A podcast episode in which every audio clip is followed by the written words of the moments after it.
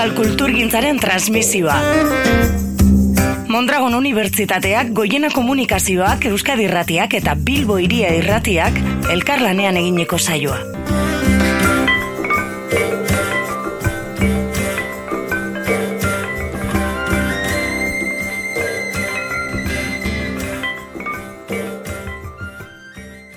Euskal Kulturgintzaren transmisio gradu ondoan gaurkoan kultura eta ekonomia izan dugu izpide eta horretarako ekonomo hilaria batu egin zaigu Joseba Barandiaran. Haupa Joseba. Haupa. Bueno, aipatu duzu gaurkoan hasieran eh, harrituta jaso zenuela gonbitea, kultura, ekonomilaria, lehengo zure burua kokatu behar izan duzula hitzaldia prestatzeko?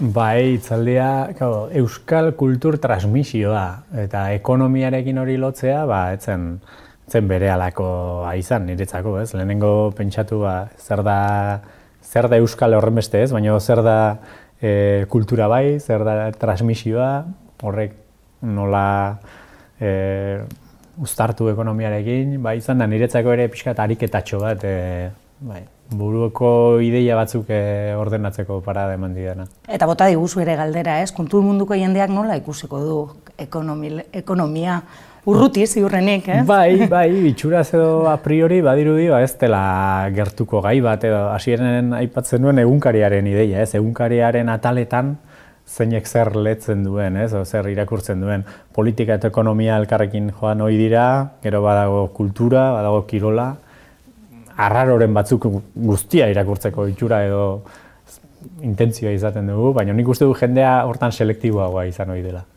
E, baita ere, kokatzeko, e, bueno, estadistikat begiratu eta pizka bat begiratu duzu ere, ba, kulturgintzan zenbat jende e, jarduten duen, araba bizkaia eta gipuzkoan aipatu dizkiguzu, ez? Eta ematen du ez dela horren beste jende. Bueno, ez da horren beste jende, esan nahi dut, e, jarduera posibleak asko dira eta ekonomiak e, funtzionatzen duen modura edo normalean aztertzen dugun modura, hor barne produktu gordina eta enplegatuak eta bar horrela begiratuta, ba, badirudi asko ez dela kuantitatiboki, ez? Baina gero ikuspuntu kualitatiboa dago, ezta? Eta pixkatori esan dut, asko dan ekonomian begiratzen diren gauzak e, neurtzen dira eurotan esate baterako, baina baina bizitzako gauza garrantzitsuenak ez. Eta mm. horrek, horrek esan nahi du, segura asko, kultur transmisioaren alor honetan, ba, guk uste baino jende gehiago da bilela, eta besterik da hortaz bakarrik biziote diren edo ez, edo nola bizi diren. Eh?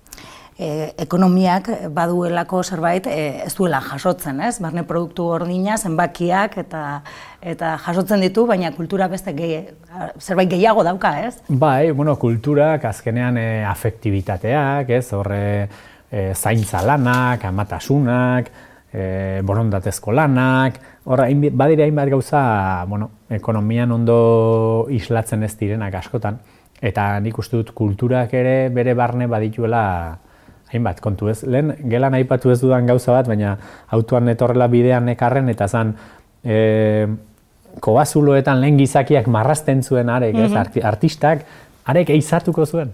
Marrazteaz aparte, beste lan batzuk izango zituen, ez? Horre, zakit, atapurkako gizon horrek, ez? Esateak, bai, badago arlo artistikoa, nola bait, e, bere adierazpe, adierazpide jakin batzuk dituena, baina akaso iztaria ere izango zen, eh? Bai, hori dator, aipatu duzulako ere, e, Euskal Kulturan badelako sortzaile asko, lan bat duela, e, ba, bizi irauteko, pertsonak direlako, eta gero ba, bere denbora librean edo alduenean edo beste momentu batzutan sormena lantzen duelako. Eta hori asko eta asko ematen da Euskal Herrian. Bai, Euskal Kulturan asko. Pentsatzen dut beste kulturetan ere asko emango dela.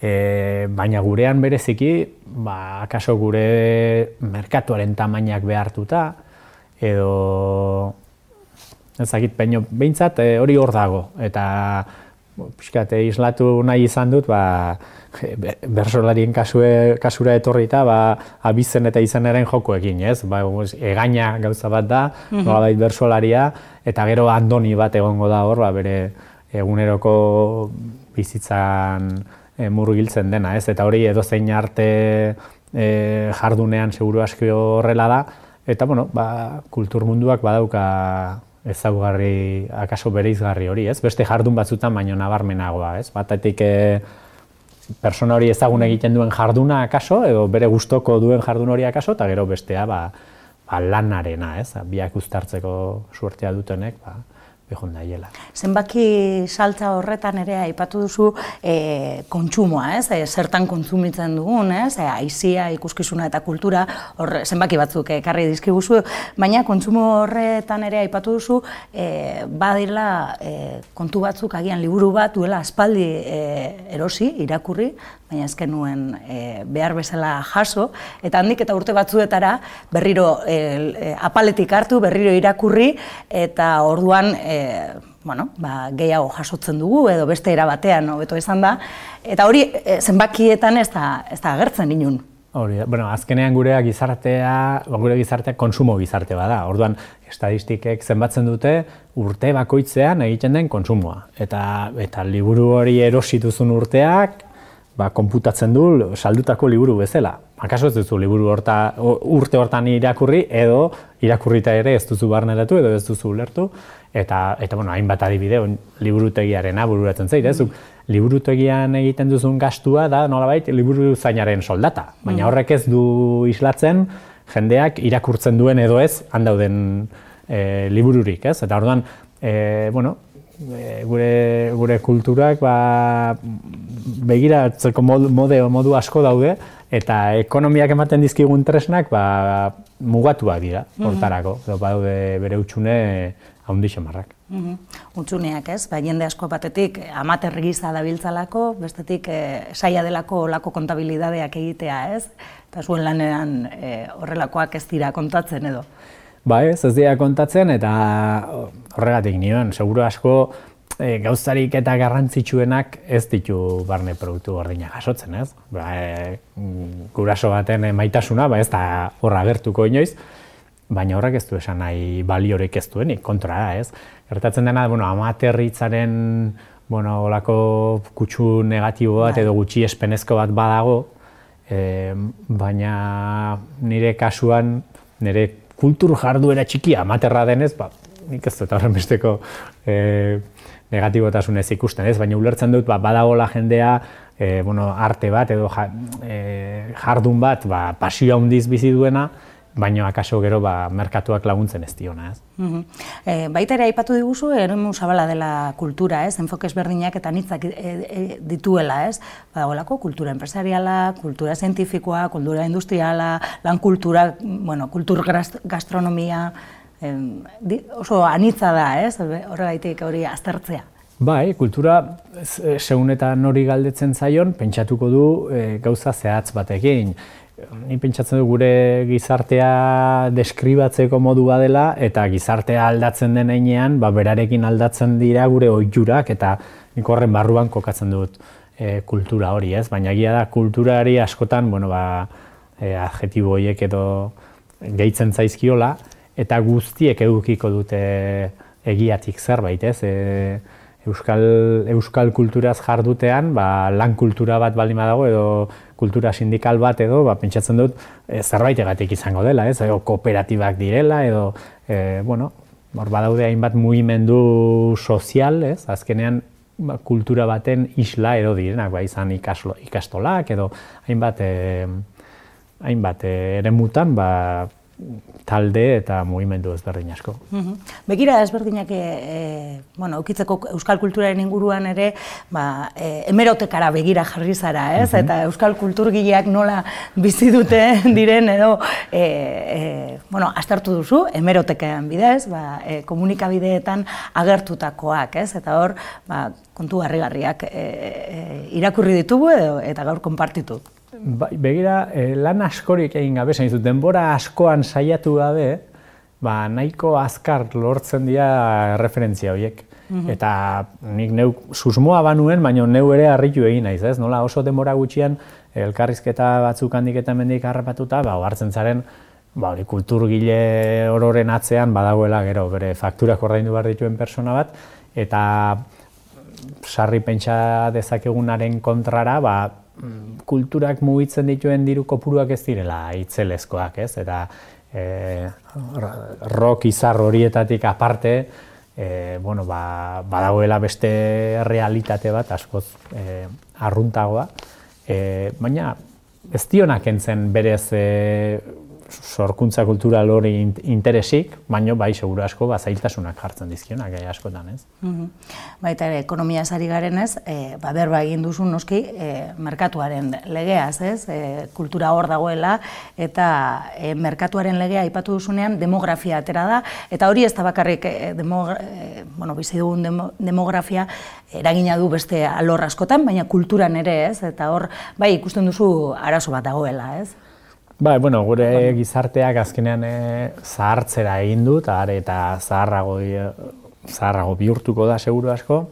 Orduan hor, bueno, gure baldintzatzaileak batez ere hizkuntzarekin zer ikusia duten alorretan, ba, bueno, margotzen dute e, irudi bat, e, bueno, oso jaiotze eta sabajukoa, eta bueno, horrek guztiak azkenean e, eragina izango du etorkizuneko eskarian, ez? Mm Azken finean, esan dezakegu milioi bat e, euskaldun edo ditugula e, merkatu potentzial gisa, hori zenbaki potolotan edo borobiletan esan da akaso, baina gero praktikan e, eta pixka eta ipatu dute transmisioaren gai horretan ez, ba, nik uste dute Euskal Herriaren baitan ere ez dagoela merkatu bakar bat, baizik eta nahiko sakabanatuta eta ezaugarri ezberdinekin dauden ba, guneak daudela, ez, edo famili bakoitza izan liteke mundu bat alde hortatik, ez?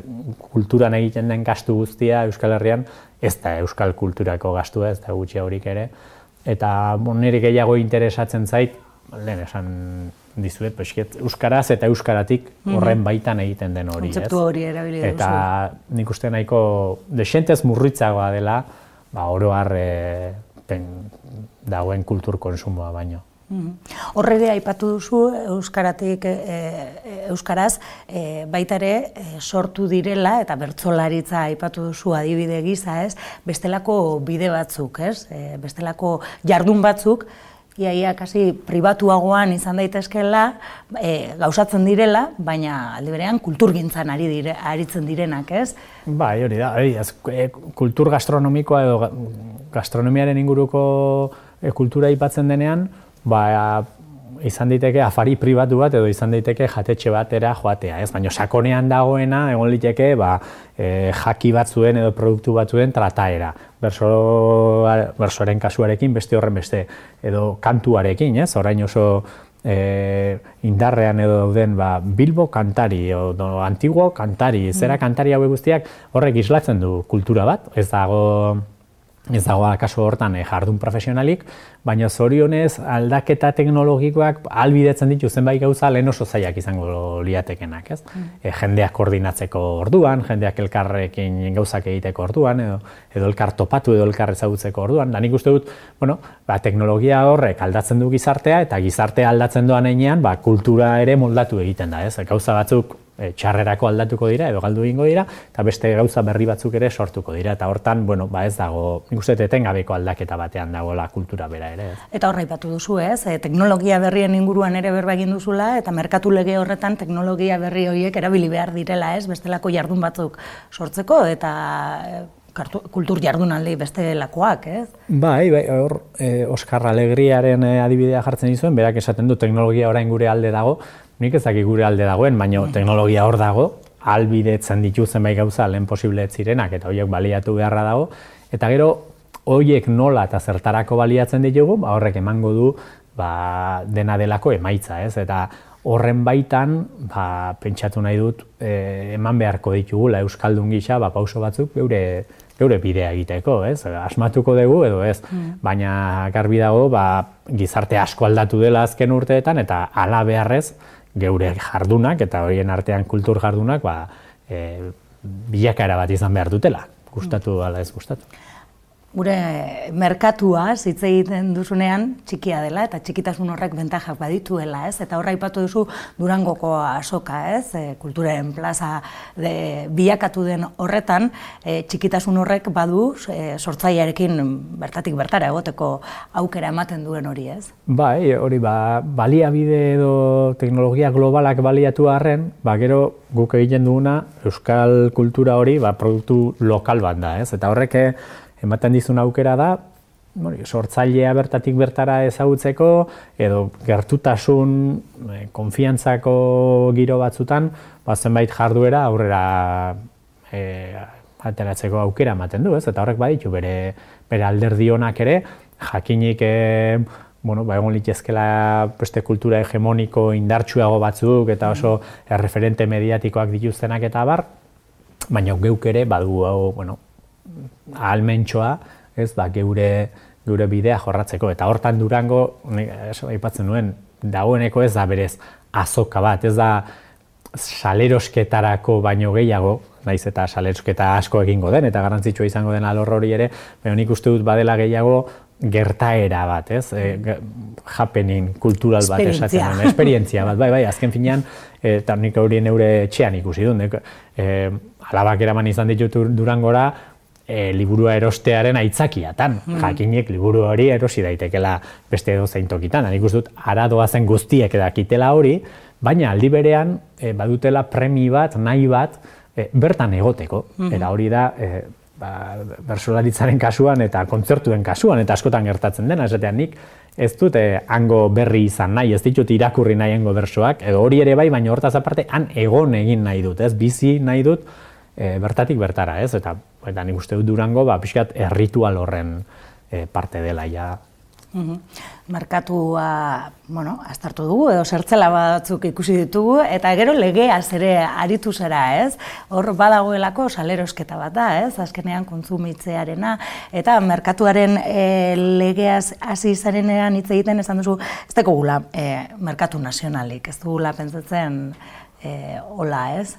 Ez dugu merkatu nazionalik, inondik inora, hori e, Euskal Herria bere anitzean, e, eta ez naizari eremu administratibo ez mm. bakarrik, ze eremu administratibo berberean daudena diferentziak ikaragarria dira, ez?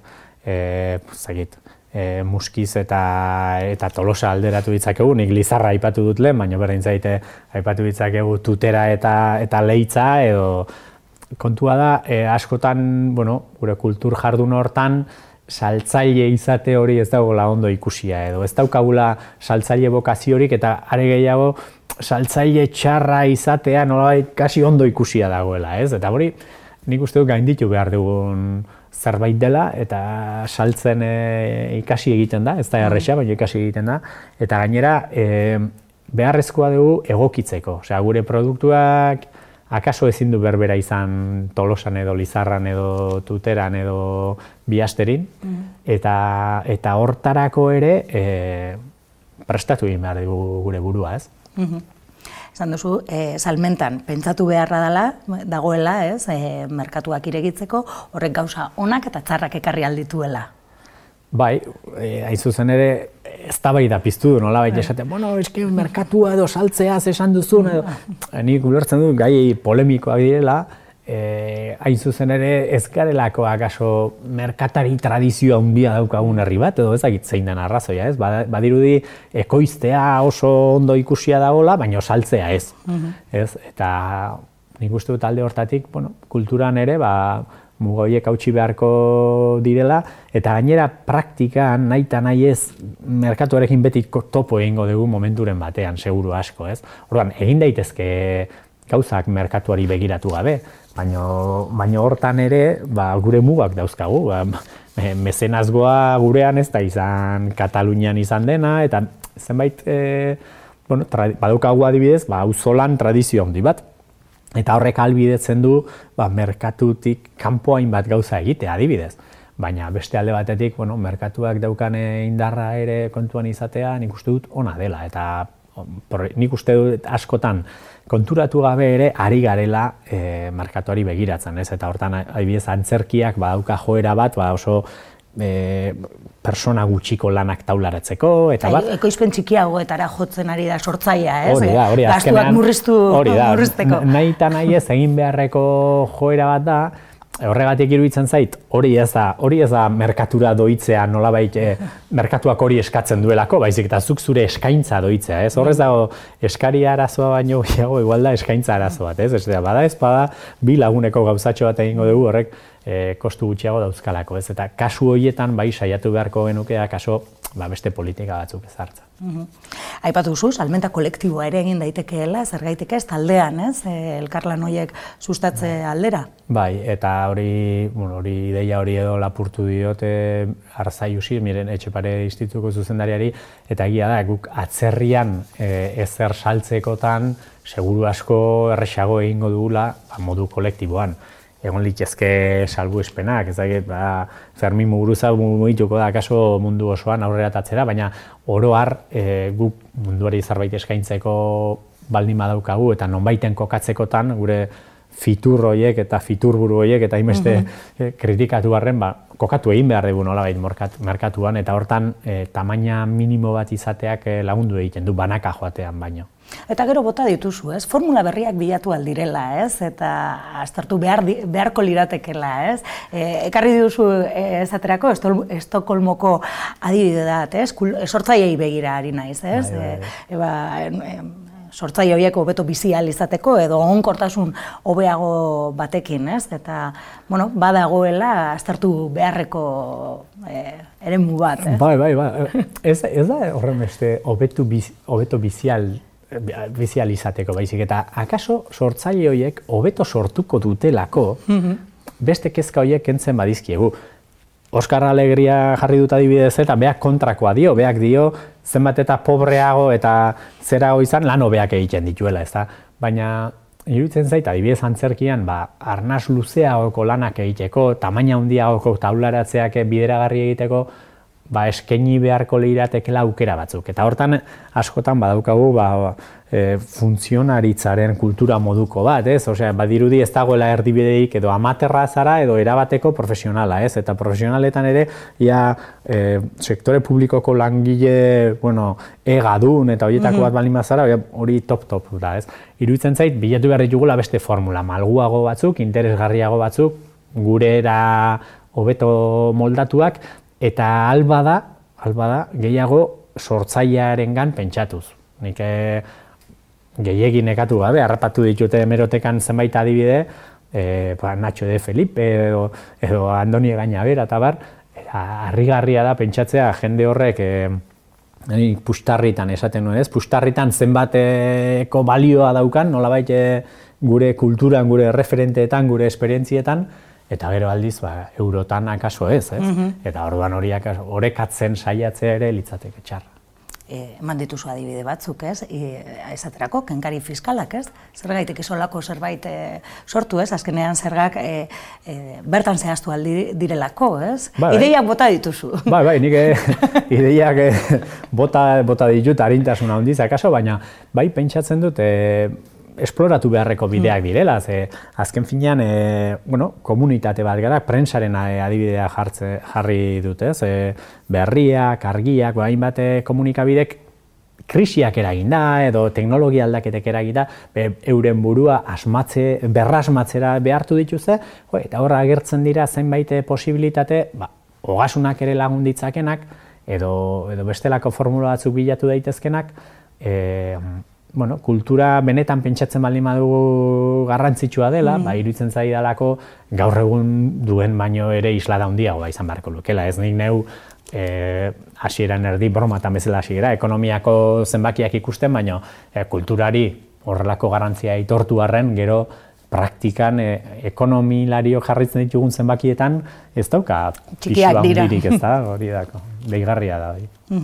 Eta bukatzeko ere transmisioa, ez? Hortan e, jarduten du ere gradu onduan eta transmisioaz e, aritu zara eta gehiago agian ba, etxera begira jarri zara ere, ez? Bai, bai, aizu gradu onduan, ni etxeran daukate horre erronkarik handiena eta azkenean norberetik ikusten dena, ez? Pentsatzen dut ez dela hain ezberdina izango beste esperientzia batzuetan, baina bueno, jakinik eh, geografiak eta soziolinguismoak zenbat eragiten duten, ba, gero askotan eh, utxuneak edo zailtasunak agertzen dira, ez? Ba, eh, esan dut, ba, zaletasunak, erentziak, eh, hori, ez, di, ez direlako ere datzen, zaletasun edo kezka horiek, esperientziak ere, ez, azkenean e, gizartea oso azkar aldatzen da, eta orduan gure aurtzaroa, gure gaztaroa bat izan zen, eta gaur eguneko gazteena oso ezberdina da, eta horre guztiak e, eragiten du, ez, eta horregatik garrantzitsua da, ba, sortzaileek asma dezaten, mm. asma dezaten erreferenteak egon daitezen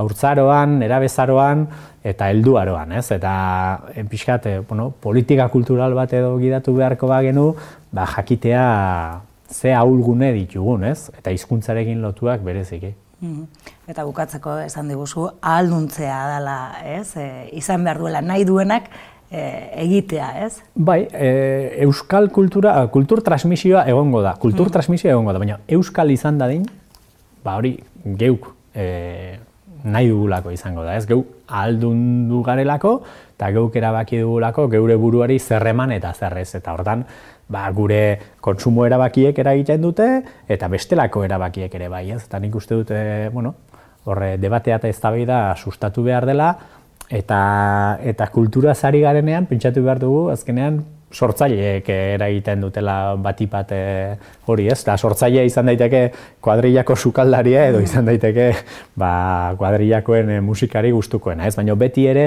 e, zaindu egin behar da pixkatea lor hori. Mm ekonomia eta kultura beraz ez da edo hain urrun, ez? Elkarrekin joan beharko lirateke? Ni edo joan aldira? Bai, ni uste dut edo zen jardunek baduela gero kutsu edo ikutu e, ekonomiko bat ere. Eta e, batzutan e, sorkuntzarako oso interesgarria izango da ekonomia zahaztea, baina oroar e, kulturari begiratzerakoan ere ba, ekonomiak bere pisua dauka eta eta kontuan izan beharrekoa da. Naiz eta hasiera hasieran esan dudan bezala batzuen ustez eh, kultura den e, errekako ura, ez? Eta mm. politika eta ekonomia den gaineko aparra eta zikinkeria, ez? Mm. Zenbait etxiotan irakurri dugunez, baina bueno, e, aparra eta zikinkeri horrek ere laguntzen du ekosistema ulertzen bere osotasunean, ez? Oso purista jartzen bali gara urari bakarri begira, ba kaso ikusten dugun argazkia ez da ez da guztiz erreala. Mm Bueno, bai, Joseba hemen utziko dugu, e, gaurkoan ekonomia eta kultura eta bestelako kontu ez ere hitz bai, egin bai, diguzu bertsolaritza denetarik. E, eskerrik asko. Ba, zuei. Eta hurrengo batera arte. Oso ondo. Euskal Kulturgintzaren transmisioa. Mondragon Unibertsitateak, Goiena Komunikazioak, Euskadi Irratiak eta Bilbo Iria Irratiak elkarlanean egineko saioa.